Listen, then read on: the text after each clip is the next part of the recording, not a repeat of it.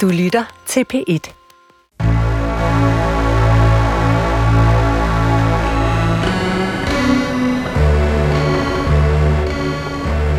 Du har ringet til Hemmeligheder på P1. Tak for din hemmelighed. Vi lover at passe godt på den. Jeg bor så klamt, at jeg nu har fået en svampeinfektion i min hud. Jeg bor så klamt, at jeg nu har fået en svampeinfektion i min hud.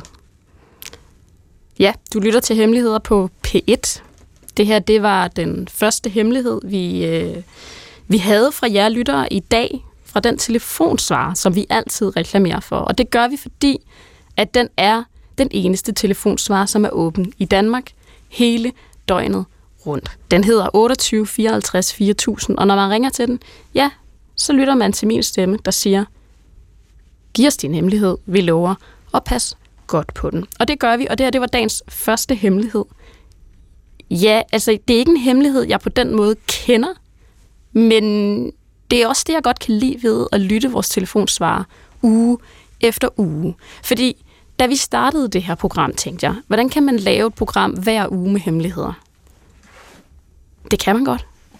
Og det kan man, fordi at hemmeligheder har så mange forskellige karakterer. Og den her hemmelighed, den kommer ud af en eller anden skam, tror jeg.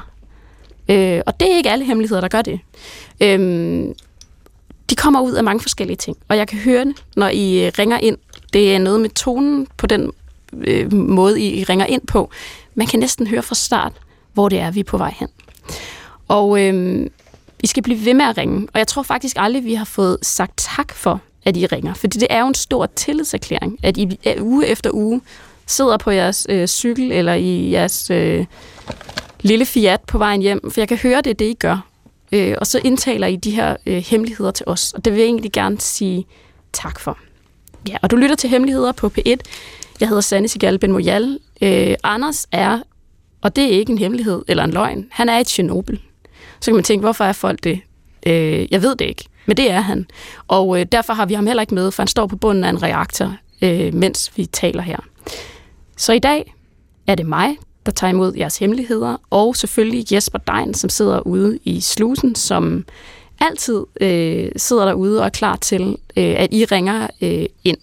Og hvis du kender det her med at bo, nu siger jeg så klamt i citationstegn, eller så rodet, eller så beskidt, at det faktisk er en hemmelighed, så synes jeg, du skal ringe ind til os på 28 54 4000.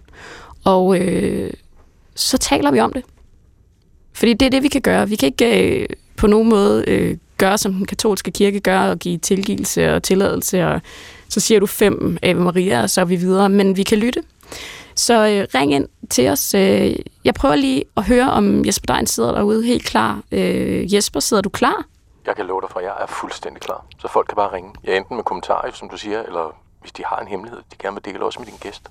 Man må meget gerne ringe, også bare med en kommentar. Man må gerne ringe ind med en hemmelighed. Og nej, det behøver ikke være den største hemmelighed i dit liv. Men vi bærer på mange.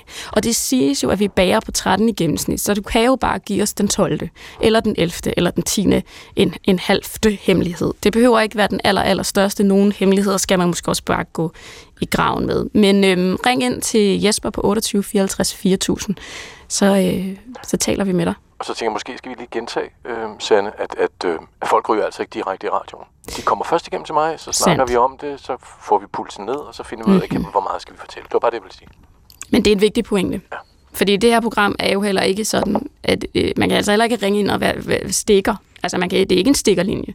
Man kan ikke ringe ind til Jesper Dein og fortælle en hemmelighed om sin nabo. Det er, ikke, det er ikke det, vi leger. Det er ikke den slags program. Men man kan ringe ind øh, og fortælle sin hemmelighed. Og øh, så har jeg jo en gæst. Og det har jeg jo altid. Men i dag har jeg en øh, gæst, som jeg har glædet mig meget til at øh, få i programmet, fordi jeg synes, at udover at det, hun er kendt for, som øh, er politik, og, og diverse kæpheste, tror jeg, vi kender hende for. Hun, hun, rider, hun rider en god øh, kæphest. Så er det øh, ærlighed. Hun er øh, en meget ærlig gæst i de programmer, jeg har hørt. Og det øh, er jeg... Øh, det er meget beundringsværdigt. Så velkommen til Rosa Lund.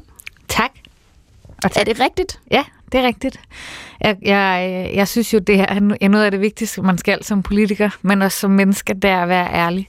Så det øh, bestræber jeg altid selv at være. Det, det synes jeg i hvert fald selv. Det er ikke engang noget, jeg bestræber. Det synes jeg altid selv. Jeg er meget ærlig. Det synes jeg er en meget vigtig, vigtig ting. Så hvordan er det for dig at blive inviteret ind i et hemmelighedsprogram? Det er grænseoverskridende, det må jeg sige. Altså, øhm, for det første er jeg jo retsordfører, og det betyder, at jeg bærer på rigtig mange hemmeligheder, som er politiske, eller hvad man skal sige, som er, er, er fortrolige oplysninger. Så dem kommer jeg selvfølgelig ikke til at sige noget om. Men, øhm, Har du men, nogensinde overvejet, hvis det nu skulle ske, og det ved jeg godt, vi ikke gør i Danmark, lad os sige, at det skulle ske, at du bliver waterboardet, eller noget andet grimt.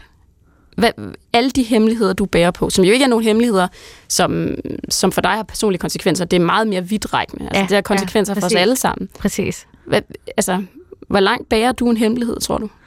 Øh, jamen altså, jeg er god til at holde på en hemmelighed. Det er jeg. Det skal man være, når man er retsordfører. Det er ligesom sådan, der. Hvad er en hemmelighed for dig? Jamen altså, en hemmelighed er, øh, jamen, en hemmelighed er noget, der ikke er nogen, der ved. Og noget, man ikke taler om. Altså fordi, øh, øh, hvad kan man sige, øh, i mange år, øh, jeg er jo kronisk syg, og i mange år var der ikke særlig mange, der vidste det. De første øh, fire år, jeg sad i Folketinget, var der faktisk ikke andre end min familie, altså enhedslistens folketingsmedlemmer, der vidste det. Og det var jo en meget stor, sorgfuld hemmelighed at have, men den var jo ikke mere hemmelig, end at min nærmeste vidste det. Så, så altså, det var jo ikke sådan hemmeligt, at det kun var mig selv, der vidste.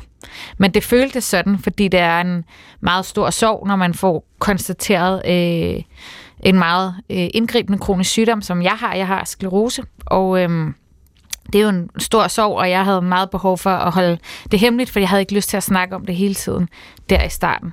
Det var jo en stor hemmelighed, men der var mange mennesker, der vidste det. Altså, hvis jeg sådan talte på hænder, så var der mange mennesker, der vidste det. Det var bare ikke offentligt.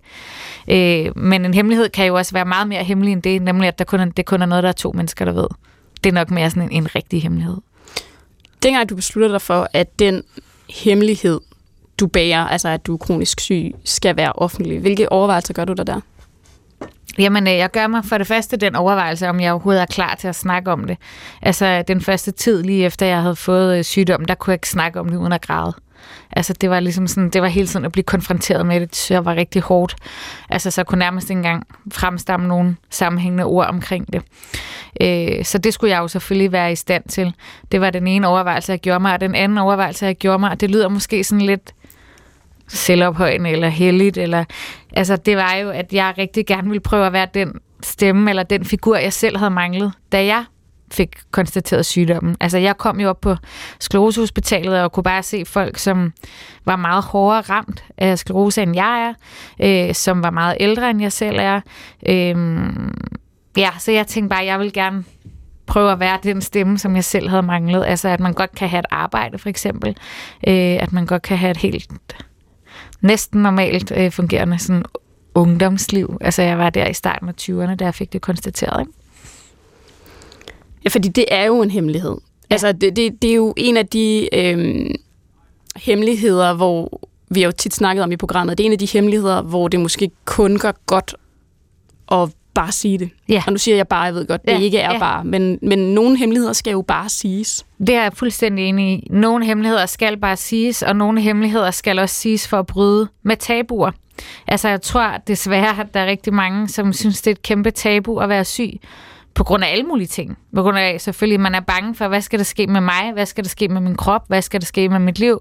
Men også fordi man er bange for, øh, kan, jeg, kan jeg overhovedet være en del af arbejdsmarkedet? Skal jeg på en eller anden, skal jeg piskes rundt i et eller andet ydelsessystem? Altså der er også noget med den måde, vi sådan, jeg har nærmest lyst til at sige, kasse- kasserer syge mennesker på. Så der var en frygt i dig for at Ja, dele den hemmelighed. Kæmpe frygt. og Kæmpe den frygt. gik ud på, Jamen, altså, den gik ud på, for om jeg ville blive dømt på det. Altså, øhm, øh, jeg var rigtig bange for, der i starten af min politiske karriere, om det så var det, jeg ville blive kendt for. Altså, jeg er jo så glad for, når du siger øh, i introen her, at jeg har nogle politiske kæpheste, og det er, det, jeg, det er derfor, folk kender mig. Og det synes jeg bare, det er rigtig vigtigt for mig. Og det øh, ville de måske ikke gøre, hvis jeg havde sagt det her højt med det samme. Øhm, Altså, så, så det var også noget, det var også en overvejelse, jeg gjorde mig, at nu havde jeg været så lang tid i, i politik som et, et, en offentlig person, at folk kendte mig for noget andet, og så turde jeg på en eller anden måde godt at sige det.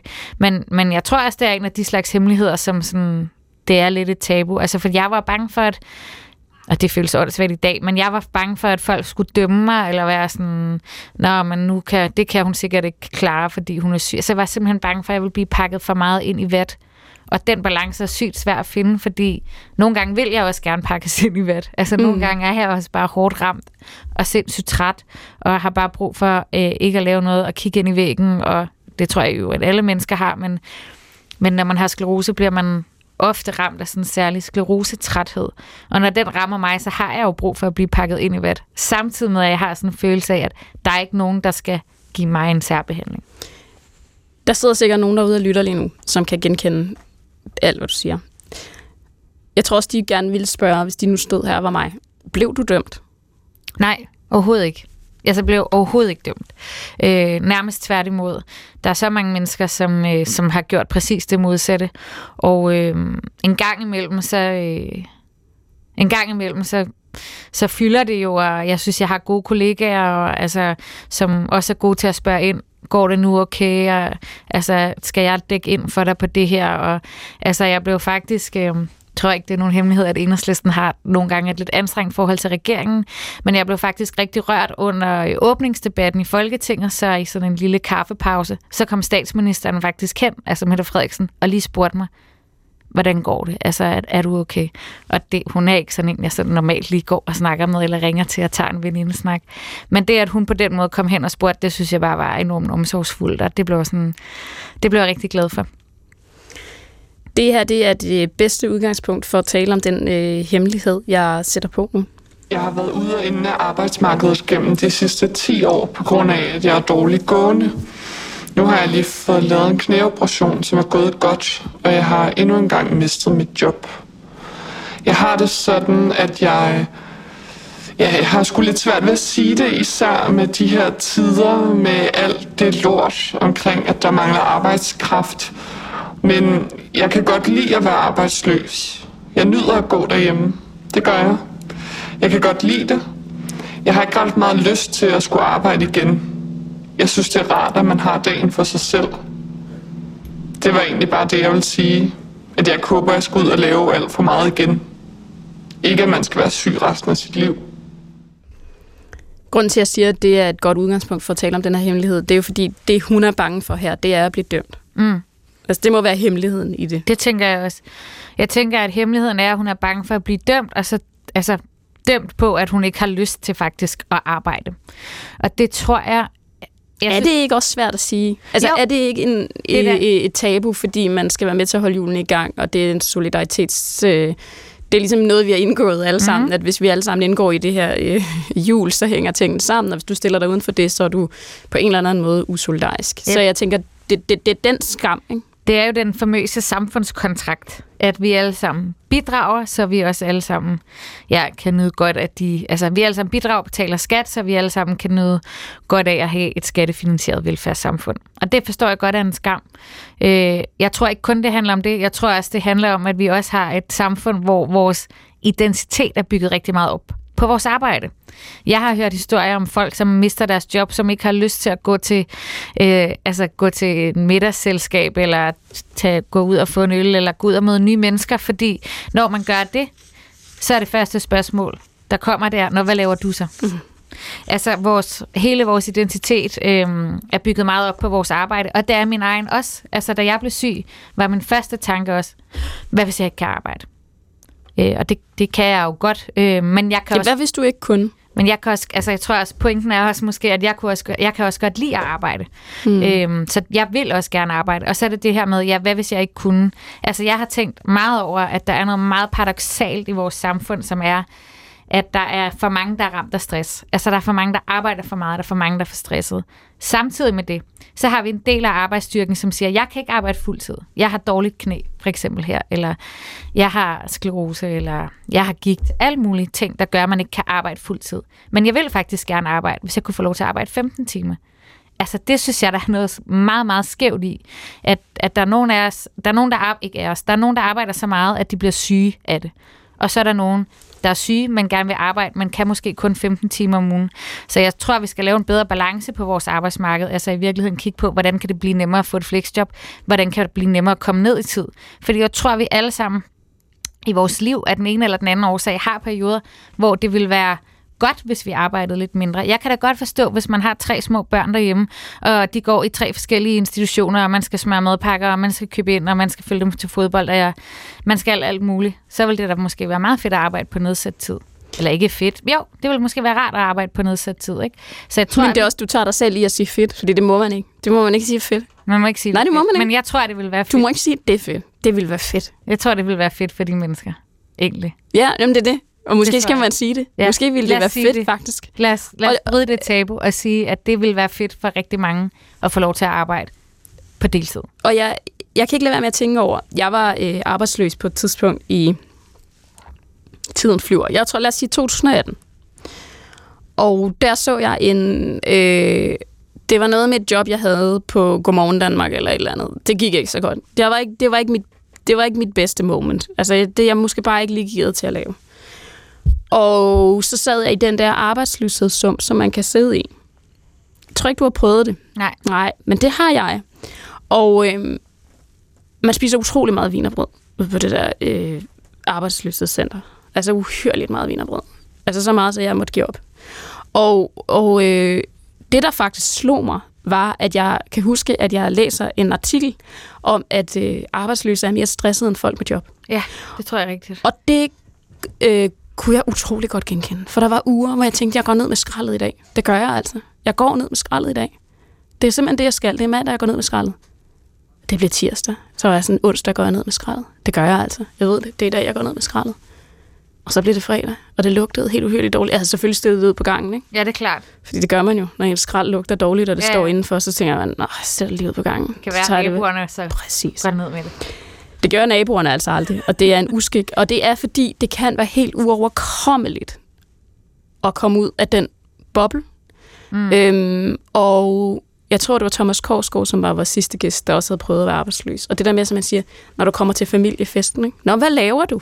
Det er det. Ikke? Hvad laver du? Det er aldrig, ja. hvordan har du det? Hvad laver ja. du så? Hvad har du at rive i? Præcis. Hvad, får du, hvad river du i? Og nogle gange så river man jo ikke i noget. Nej, nogle gange river man i sig selv jo. Nogle gange altså, river man i sig selv. Fordi man har det dårligt. Præcis. Fordi det er svært.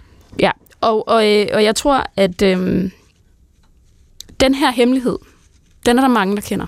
Det tror jeg også. Og hvis du er arbejdsløs, og du skammer dig over det, eller du skammer dig over, at du faktisk er glad for at være arbejdsløs, vil du så ikke ringe ind på 28 54 4000, så kommer du igennem til Jesper, som vi havde øh, igennem før, og så kan I snakke om, hvordan du kan komme af med din hemmelighed. Fordi det her, det er også en af de hemmeligheder, der måske er godt at sige højt. Det tror jeg bestemt, det er.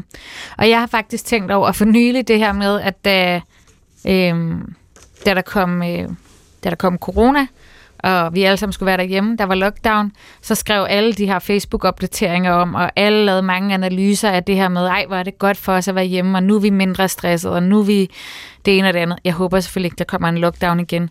Men det er ligesom om, vi har glemt, at vi faktisk alle sammen lige fik en lille pause, og jeg er med på, at det ikke var alle, der fik en pause. Jeg er med på, at det lockdown var mega presset for selvstændige virksomheder, øh, for kulturlivet, så det, altså, jeg er med på, at det var ikke en pause for alle, men jeg kan bare huske, at, at det var sådan, var der nogen, der oplevede det i hvert fald, som synes, at åh, så kunne man det lige, nu var der nogle ting, der var sat på pause. Øhm, og det tror jeg bare måske også, vi lige skal prøve at huske, at det faktisk er rart for os en gang imellem at sætte tingene på pause. Og det var der nogen, der fik lov til at opleve under lockdown, og så var der nogen selvfølgelig sygeplejersker, læger og socioassistenter, der skulle løbe dobbelt så hurtigt, og så var der nogen, som blev benhårdt ramt på deres økonomi. Ikke? Så er det jo godt, at sygeplejerskerne fik så meget i løn. Ja, Nå, lad os, øh, lad os haste videre. Vi skal have en øh, hemmelighed mere. Den kommer her. Jeg har aldrig kysset nogen og bekymrer mig om, om det nogensinde sker. Jeg er 30. Jeg kan godt lide, at informationen, som er til sidst, altså, jeg er aldrig blevet kysset af nogen, og jeg bekymrer mig om, om det nogensinde sker. Og så er det som om, der er et punktum. Og så er det, jeg er 30. Og jeg tror, at den sidste sætning der, jeg er 30, den er, den er, den synes den person, der har skrevet ind, er meget definerende. Ja. Jeg er 30, som om sådan, så ved vi alle sammen, at det er for sent, eller mm. det, det er definerende for den her hemmelighed, fordi at det plejer man at være blevet, eller man ja. plejer at have kysset nogen, når man er 30. Der kan jeg sige, nu har vi lavet hemmeligheder et stykke tid. Vedkommende, der har ringet ind, du er ikke den eneste. Dem er der rigtig mange af, og der er rigtig mange, der siger, jeg kyssede først min mand, kone, da jeg var 30, og nu har vi to børn. Alt er godt. Mm. Men denne her slags hemmelighed, den, den er svær. Fordi den er på en helt anden måde svær, fordi den synes lille. Det er jo overhovedet ikke lille. Fortæl. Altså, det her er overhovedet ikke en lille hemmelighed. Jeg kan så godt forstå, øhm, jeg kan så godt forstå, at det her må være ekstremt svært og ekstremt sårbart. Altså, øhm, der er så mange ting i vores måde at være sammen på, som er bygget op omkring, at man er i et parforhold. Det er svært at være, øhm, det er svært at være single. Jeg er med på, at det for mange er det rigtig sjovt, og for mange har man også selv valgt det, og sådan, men, men det må også være svært, fordi der er så mange ting i vores samfund, som er bygget op om, at man skal være i et parforhold. Og så er man single, og så er ens parforholdsvenner sådan, Nå, men nej, hvor er det spændende, og sådan skal vi høre om dit spændende single-liv. Men det kan godt være, at man tænker, at mit single-liv er det er overhovedet ikke rager dig, eller at det er overhovedet ikke Ja, spændende. eller det ikke er spændende. det er ikke sjovt, eller altså, hvordan man nu er i det. Og øh, ja, så det, jeg kan godt forstå, at, at det her er, er svært. Plus jeg også tror, at der er noget i alle mennesker, som, øh, som længes efter nærvær og omsorg og blive rørt ved. Og, altså, Der er jo det begreb, som hedder hudsult, ja, præcis. som jo faktisk er øh, alvorligt. Det er det.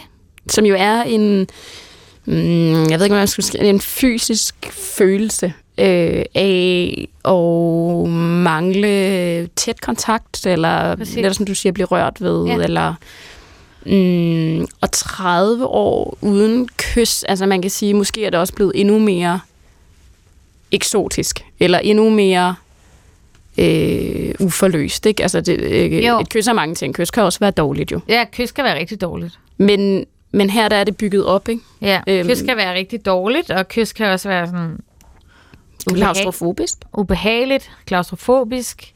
Det kan være alt muligt.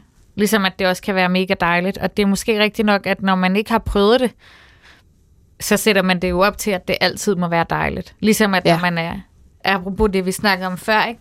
når man er i et parforhold, så tænker man, ej, det må altid være så rigtig sjovt at være single. Og når man er single, så sætter man sig op til, ej, det må altid være så dejligt at være i et parforhold. Ingen af delene er jo rigtige. Men, øhm, men jeg kan godt forstå, at man, det med kysset, at man sætter det, altså at man sætter det derop. Hvis du ikke er blevet kysset før. Du sidder derude, hvis du ikke er blevet kysset før. Eller hvis du er blevet kysset i en alder af 30. Så vil jeg virkelig gerne høre fra dig. Og du skal ringe ind til Jesper, som kan se, jeg kan se, at han er meget travlt, men du skal alligevel ringe ind, fordi vi kan bruge dig øh, på 28 54 4000. Fordi vi skal have noget, øh, vi skal have noget ekspertise her. Der skal være en, der kan ringe ind og fortælle os om, hvilke følelser man sidder tilbage med, hvis man aldrig er blevet kysset. Er det ikke rigtigt? Jo. Det er virkelig rigtigt. Og jeg tror også, at der er noget i det der med at finde ud af, for den her 30-årige person, der har ringet ind med den her hemmelighed, og opdage, at, øh, at vedkommende ikke er den eneste. Ja, for det tror man jo altid, man er. Man tror altid, man, er, man tror, man er så speciel. Og det er det, jeg tit tænker på på det her program. Det er, at når jeg har mødt jer ude i virkeligheden, så siger de, Gud, da jeg hørte hemmeligheder, så troede jeg, at jeg var den eneste, der var kommet til at stå på min hamster. Det var et, en reel hemmelighed, vi havde en dag. Det gjorde jeg også. Og det er jo det, der er med hele den her hemmeligheds... Øh, når, vi åbner, når, når vi åbner posten med hemmeligheder, Præcis. det er, der er en sandsynlighed for derude, kære lytter, at du føler dig en lille bitte smule mindre alene. Så ring ind. Også hvis du har stået på dit hamster. Fordi det er du ikke alene om. Det kan jeg dig. Vi skal øh, have en lytter øh, igennem, som øh, har en, øh, kan man sige, hemmelighed. Eller det er i hvert fald en del af en hemmelighed. Øh, det er en kvinde, som øh, er sygemeldt.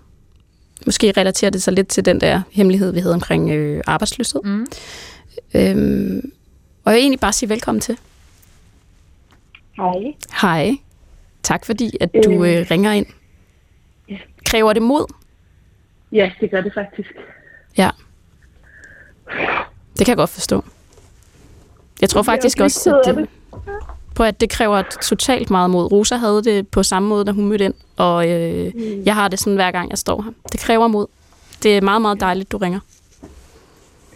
Men min hemmelighed er, at jeg er ikke, at jeg er sygemeldt, øh, og at jeg har en depression, det er bestemt heller ikke en hemmelighed. Jeg har netop prøvet at være meget åben omkring det, for at forhåbentlig gøre det nemmere for mig selv. Men jeg skammer mig over, at jeg ikke kan være en del af samfundet, og jeg ikke kan arbejde, og at jeg er en, øh, en belastning for min familie og for min kæreste. Det kan jeg ikke sige højt, fordi jeg prøver at være så åben omkring det at have en depression. Så, du så man kan sige, det at du har en depression, er du åben omkring, men de der lidt skamfulde følelser, der følger med, kan være svære ja. at takle, fordi du faktisk har været åben, Ja. men at de stadigvæk... Jeg føler, det er forkert at have. Ja. det sådan. Fordi at oven i købet er det en arbejdsskade, øh, jeg har fået i mit pædagogiske virke, så øh, jeg øh, synes jo, at det er på sin plads, at jeg får pusterum til at komme ovenpå igen. Sådan rationelt set, men irrationelt, der skammer jeg mig helt vildt på daglig basis. Du skammer dig over, Ja, ikke at, at kunne deltage i samfundet og, og være den, der indkasserer syge ting på fjerde år i streg nu. Jeg, jeg indledningsvis sagde jeg jo, at jeg ikke kan give tilladelse, fordi, eller tilgivelse, fordi det kan jeg jo ikke. Men Nå. det kan jeg godt. Det er helt, oh, det er helt okay. Altså, det er helt okay at have det sådan der. Og det er jo derfor, du skal ringe ind, fordi det her, det ved jeg, der er rigtig mange, der kender. Og jeg ved, ja, at det, de kender, det er skam. Mm. Jeg kan ikke være den eneste, der sidder og har det sådan her, men det er frygteligt. Har du snakket om skammen med dine nærmeste? Øh, jeg taler en del med min kæreste, men, men jeg har ikke sat sådan her ord på det. Og det er jo så, når man så møder de folk, der ikke har forståelse for det, der siger, at for eksempel er det spild af deres skattekroner, at man går sygemeldt, fordi en depression er svært at få øje på. Øh, det rammer bare så ekstremt hårdt. Det rammer det hårdeste sted, det kan ramme. Det rammer lige solar plexus. Mm. Hvordan, øh, og du skal jo bare sige, hvis du ikke vil svare på det, men hvordan reagerede din kæreste, da du fortalte ham om den skam, du føler? Mm, han kan gøre alt det rigtige. Han, han siger jo, at øh, jeg har brug for, for tid og, og plads til at komme ovenpå. Øhm, der, er ikke, der er ikke nogen andre end de her, nu kalder jeg dem lige øh, uoplyste mennesker, der, der udskammer mig. Og andre folk i samfundet, men der er ikke, andre, der er ikke nogen af mine kære, der har taget, taget ilde imod, at jeg er syg, men de er så rummelige og søde og forstående, men jeg er stadigvæk den, der skal tages hensyn til for nu fjerde år. Og det, det, det er hårdt, og det er skamfuldt. Hvad vil du ønske? Nu sidder du her, og du, du er på, på National Radio. Bare glem det, jo, det er lige meget. Ja. Men hvis du, nu har, hvis du nu har en mulighed for at sige til alle os derude, der lytter, øh, hvad kan vi gøre for, øh, at du ikke behøver at gå rundt og føle, at du bærer på en meget tung hemmelighed? Mm, generelt tænker på folk, at de gør det virkelig så godt, de kan Præcis. med det, de har givet lige nu. Præcis. De gør det så godt, de kan. Og der er ikke nogen, der øh, synes, det er behageligt at snylte på andre, øh, uden at de øh, hvad skal man sige, har behov for det pusterum. Der er ikke nogen, der gør det ondt vilje. Eller for at være hård imod dem, der tjener ind til statskassen. Jamen, jeg er fuldstændig enig. Øh, For det første kan jeg virkelig genkende den der skam, du også snakker om i forhold til din, i forhold til din kæreste og din familie. Ikke? Nu er man den, der skal tages hensyn til igen. Øh, Jeg har også tit dårlig samvittighed over for min kæreste. Nu er det ham, der skal tage fri igen, fordi jeg skal på hospitalet og have taget blodprøver, eller have målt et eller andet, eller altså, hvad det nu kan være. Øh, og også sådan en jeg føler mig også nogle gange som en belastning for min kæreste, så det, det kan jeg virkelig godt genkende. Og jeg kan også rigtig godt genkende det her med, der er jo ikke nogen, der ønsker at være syge. Altså, der er jo ikke nogen, der er på syge dagpenge for sjov. Og det, det kan der nogle gange godt, synes jeg, være sådan en lidt en idé om, at Nå, men du har det også bare lækkert der på dine syge dagpenge. Øh, nej, du har en depression, så selvfølgelig har du det svært. Selvfølgelig er der en grund til, at du er på syge dagpenge. Jeg, tror ikke, jeg tror ikke på det der med, at der er nogen, der, der sygemelder sig øh, for sjov. Det tror jeg ikke på. Nej, og især når vi taler øh, psykiske sygdomme, Ja, altså øh, depression, stress osv., angst, altså det er så svært at få øje på. Øh, og det kan også være rigtig svært at være åben omkring. mm, Så det forstår jeg der godt. er virkelig brug for noget rummelighed fra andre side. Også fordi det rammer så forskelligt. Altså, øh, Ja. du, du har depression på, på en måde, og er ramt af det på en måde, og andre mennesker er, er nok ramt på en anden måde, og har det i en anden form, eller i en anden grad, eller, altså, så, så man, noget af det, som jeg selv synes er svært, det er, at man jo hele tiden, øh, man jo hele tiden skal svare på folks underlige kommentarer.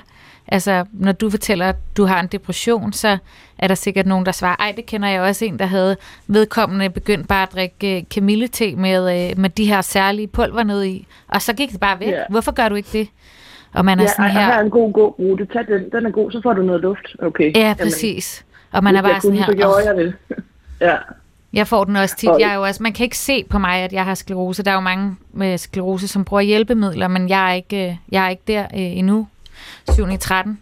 Øh, Jeg håber ikke, jeg kommer der, men det ved jeg jo ikke. Og der er også mange, jeg møder også tit sådan noget. Enten begynder folk at fortælle om de mennesker, de kender, der er rigtig hårdt ramt af det, eller også så siger de, nej, men jeg tror bare, du skal drikke det her friskpresset sellerijuice Ja. hver morgen, så går din kroniske sygdom væk.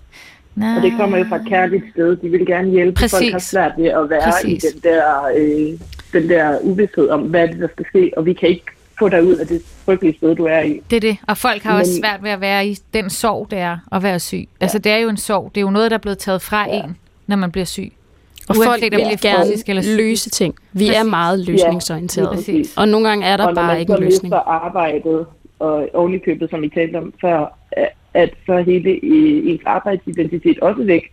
Så udover at du skal sidde og være uden arbejde, når du er social med andre, så skal du så også forholde dig til, men ikke alene har jeg ikke et arbejde, jeg har også en depression. Hvad, Præcis. hvordan kommer vi videre i den her samtale? Mm. Vi er allerede kommet videre i den her samtale. Bare det, at du har ringet Ja. ind i dag. Ja, Prøv at høre, tak du har det. øh, gjort alt, hvad du skulle i dag og hele ugen frem. Tak. Jeg mener det. Du skal læne dig tilbage, og så skal du øh, klare dig selv af skulderen. Det var dejligt, du, øh, du øh, havde modet. Ja. Tak, Tak fordi for du ringede. program. Tak selv. Se, det er jo det, der kan ske. Det er det, der kan ske. Det er det, der er med live radio, det er, at alt kan ske. Og det er derfor, vi gør det, fordi når du hører noget, der er bondet, så føler du, at du sidder på sidelinjen til noget. I det her program, der er vi her. I kan forhåbentlig mærke os. Man kan ringe ind, og så kommer man igennem. Men lad os, øh, inden vi øh, går til din øh, hemmelighed, så lad os lige øh, øh, tage en hemmelighed mere. For over 20 år siden skete der noget forfærdeligt. Jeg kom hjem fra skole og ville kæle med min søsters kanin.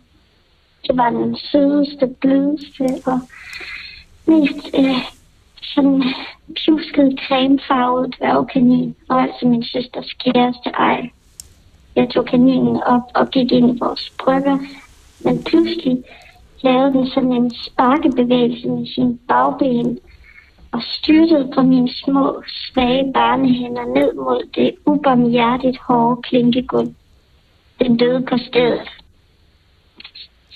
Min far havde overværet det uagtsomme kanindrab, og vi aftalte, at vi bare skulle lægge kaninen ud i buret igen, så min søs- søster selv kunne finde den. Hun blev sønderknust, da hun fandt den. Og hver gang vi siden har snakket om den kanin, har min far og jeg sendt hinanden et hemmelighedsfuldt blik. Det piner mig. Død kanin. Det er, det er faktisk lidt et tema, vi har på det her det program. rigtigt? Ja, det er det faktisk. Det der med, at kæledyr betyder mere for folk, end man skulle tro. Og, der er, Kæledyr ja, betyder meget for folk. Ja.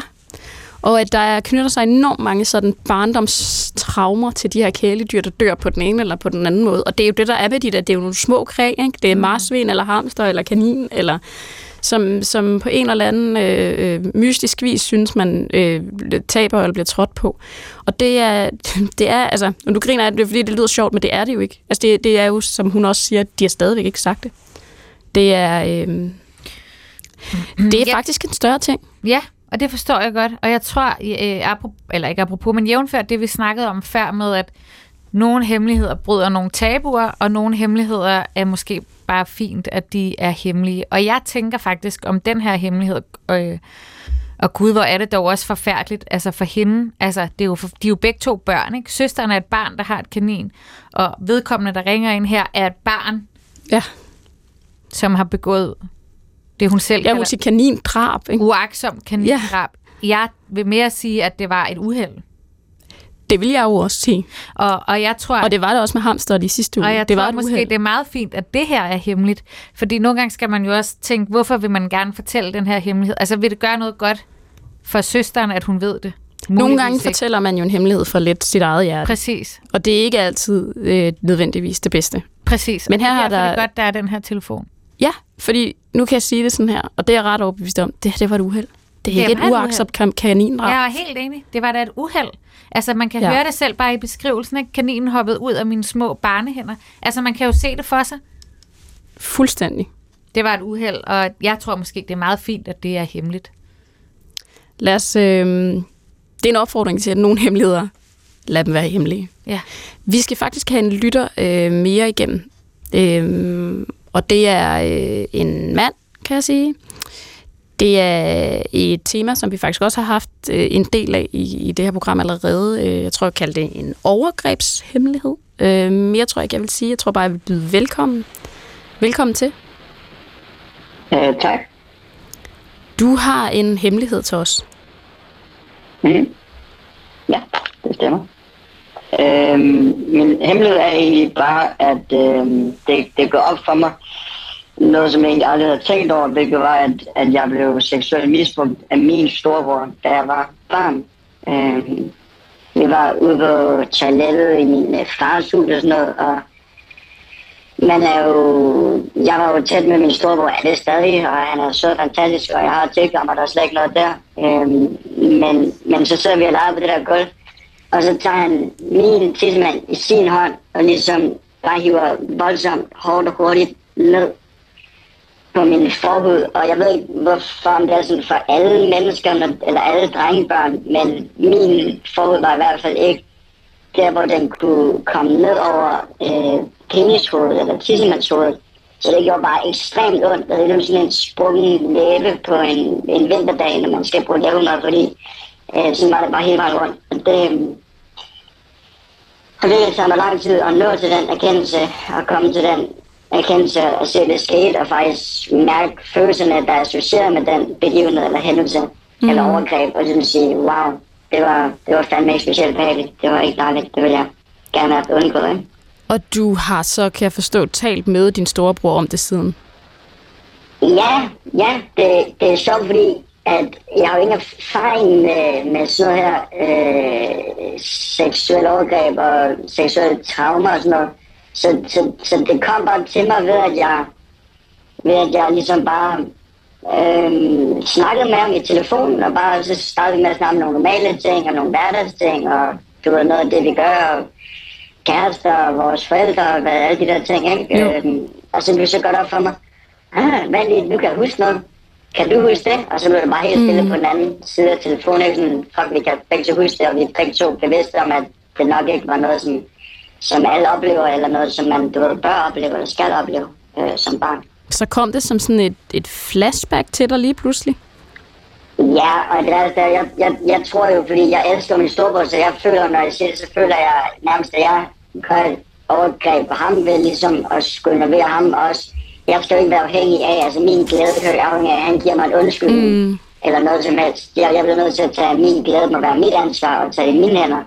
Øhm, Så du så, følte næsten havde skyld over at skulle konfrontere ham med det? Mega, mega. Jeg blev fuldstændig... Jeg, jeg følte, er det, noget, er det noget, der er sket, eller er det noget, jeg har drømt? Altså, hvordan kan jeg, hvis det sker, hvordan kan jeg så have glemt det i så mange år? Mm. Og, have, og have gjort så mange ting, uden, altså, hvor, jeg, hvor jeg slet ikke har tænkt på, at, at, at det var sket, ikke?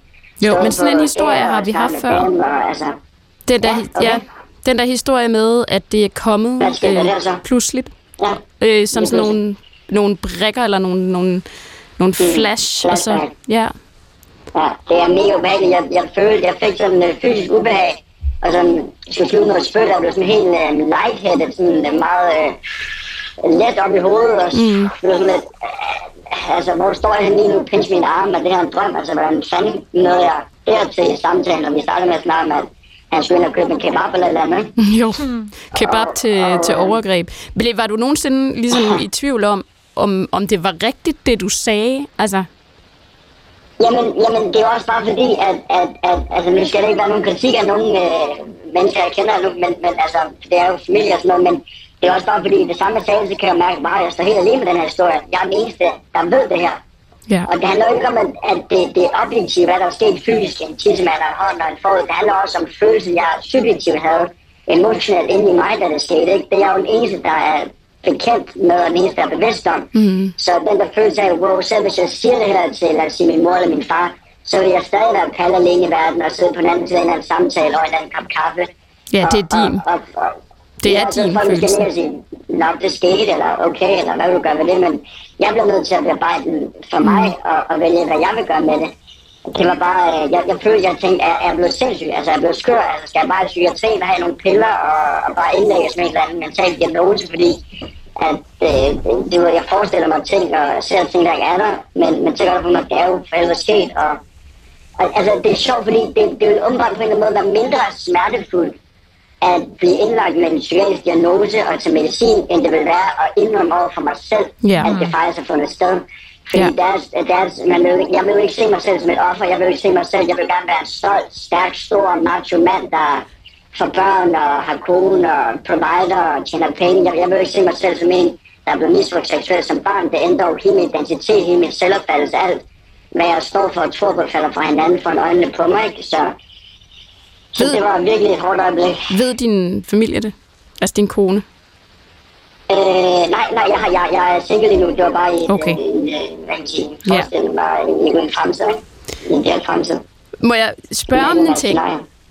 Ja, Hvad, er øhm, Spørg det, hvad hvad- er fik dig til at ringe herind?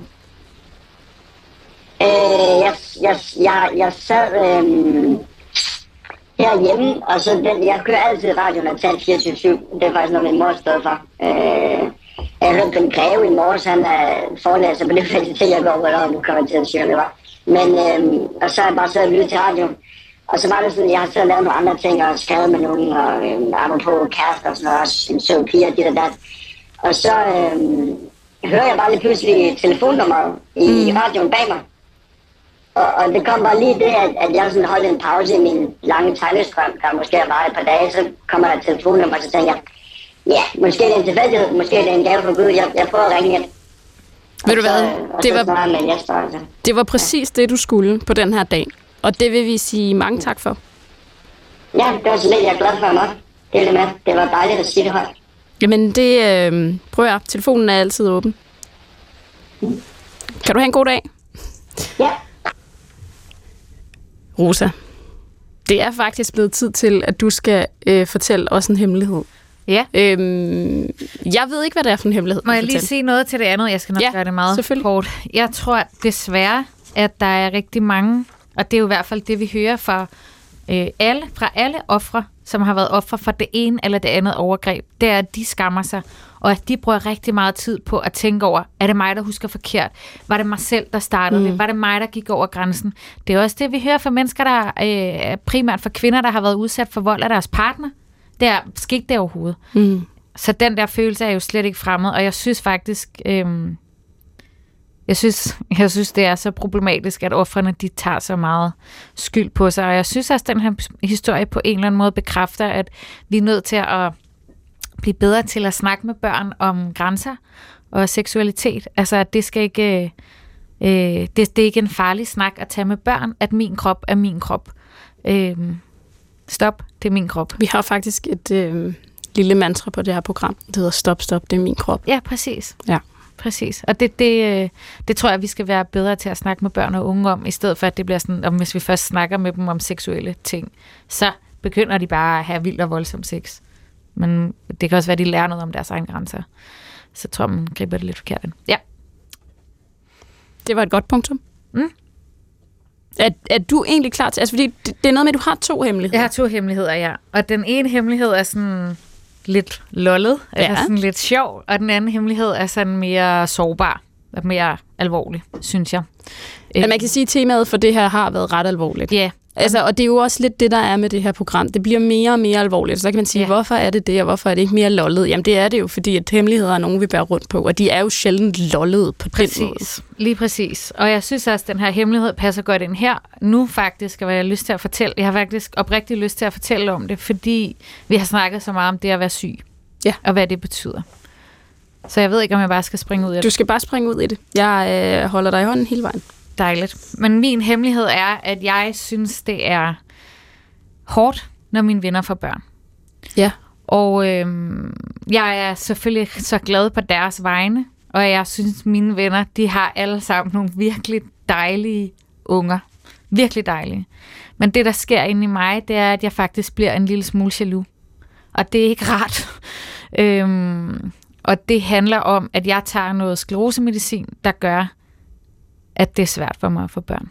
Og det er selvfølgelig rigtig hårdt. Og jeg bliver 35 til december. Øhm, så det på den fertilitetsfronten, eller hvad man skal kalde det, så bliver det jo også lidt sværere. Og det der med, at jeg så skal vælge nu om mellem min egen krop, altså skal jeg medicinere min sygdom. Jeg tager noget medicin, der kan holde min sygdom... Jeg har lige skiftet medicin, øh, der kan holde min sygdom nede, forhåbentlig 7 13. Eller skal jeg stoppe på det medicin, og så få et barn? Det er sindssygt svært. Det synes jeg er mega svært, og det konsekvensen af det er, at jeg jo synes, det er rigtig svært at kigge på alle andre og deres øh, små babyer, som jo er mega søde, og man vil så gerne være glad. Men der kommer også nogle følelser op i mig, som ikke er så rare. Og det er jo det er i virkeligheden det, der er hemmeligheden, ikke? Det er det, altså, der er hemmeligheden. Det er jo... Hemmeligheden er, Ja. at der kommer nogle ting op i mig, som jeg ikke har lyst til skal mm. være inde i mig, og jeg har ikke lyst til at være en person, der har det sådan. Men de er der. Og det er svært. Det er en sindssygt modig hemmelighed at dele, fordi jeg ved, og der er så mange, der har skrevet til mig, at de har det på præcis samme måde. Og jeg kan huske, da jeg annoncerede, at jeg var gravid, var der nogen, der skrev, at de var nødt til ikke at følge mig mere på de sociale medier, fordi det simpelthen gjorde for ondt. Ja. Øhm, fordi de følte, og det kan være, at du kan genkende den følelse, at de følte, at, at et barn gik fra dem næsten. Altså, at, at det var så det barn, de ikke fik, selvom de udmærket godt vidste, at det ikke var rationelt. Og Mm. mm. det... Øhm, der var jo ikke andet end at sige, det forstår jeg faktisk godt.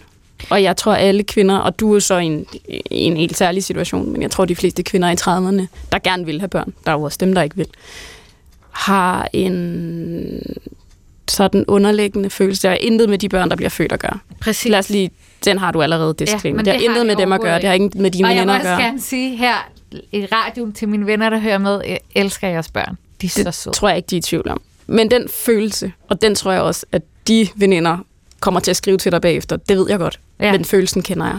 Præcis. Altså det, Og det er en kønnet hemmelighed, det her, det tror er jeg. nemlig en kønnet hemmelighed, fordi øh, jeg har en rigtig sød kæreste, synes jeg. Øh, men det er, jo, det er jo lige nu, er det jo på grund af mig, at det bliver svært for os at få et barn, hvis det er det, vi gerne vil. Fordi det er jo så den anden side af det.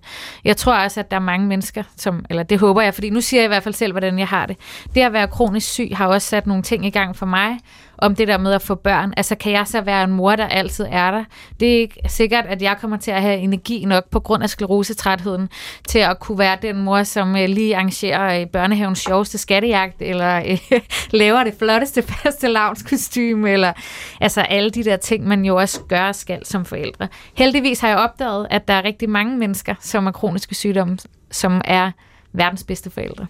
Og det har været dejligt for mig at se, men der er også noget inde i mig, som gør, har jeg overhovedet lyst til at få børn. Og det tror jeg også, vi skal blive bedre til at anerkende, at der er bare nogen, som ikke har lyst til at få børn, og så skal de der for guds skyld ikke have prækket det på.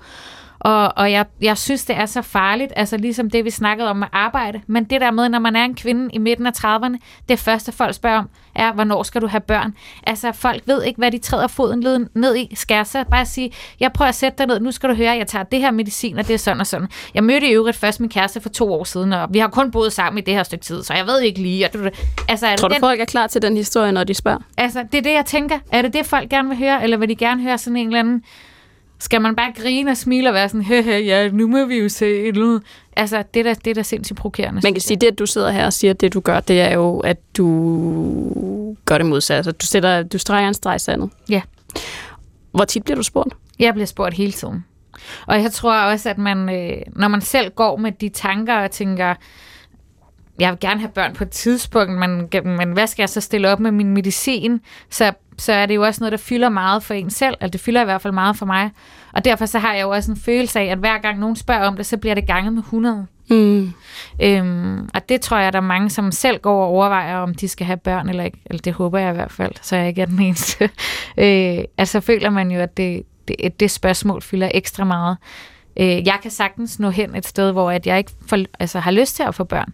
Det, det er ikke fremmed for mig, at det skulle være der, jeg endte. Øhm, jeg synes, jeg er et godt sted i mit liv, og jeg er rigtig, rigtig glad for mit arbejde. Jeg er rigtig, rigtig glad for min kæreste, og jeg tror sådan set godt, at ham og jeg, vi kunne få et rigtig godt og dejligt liv sammen, hvis vi ikke fik børn. Jeg tror også, vi kunne få et godt og dejligt liv sammen, hvis vi fik børn. Men det er bare en lidt særlig situation for mig, fordi jeg skal vælge mellem min egen krop og det at sætte nyt liv i verden. Og det, øh, det er sat mit svært valg. Det er måske den... Det, jeg gider ikke engang sige hemmeligheder, for det kan man ikke. Vi har hemmeligheder af forskellige, men det er en... Det er en vild hemmelighed, for jeg tænker ikke, du har talt med så mange af dine veninder om det. Jeg har ikke talt med, jeg har talt med nogle af dem om det, men ikke med så mange, nej. Hvordan har de reageret? Jamen altså, de har jo simpelthen bare været så søde. For det første, så har de været meget...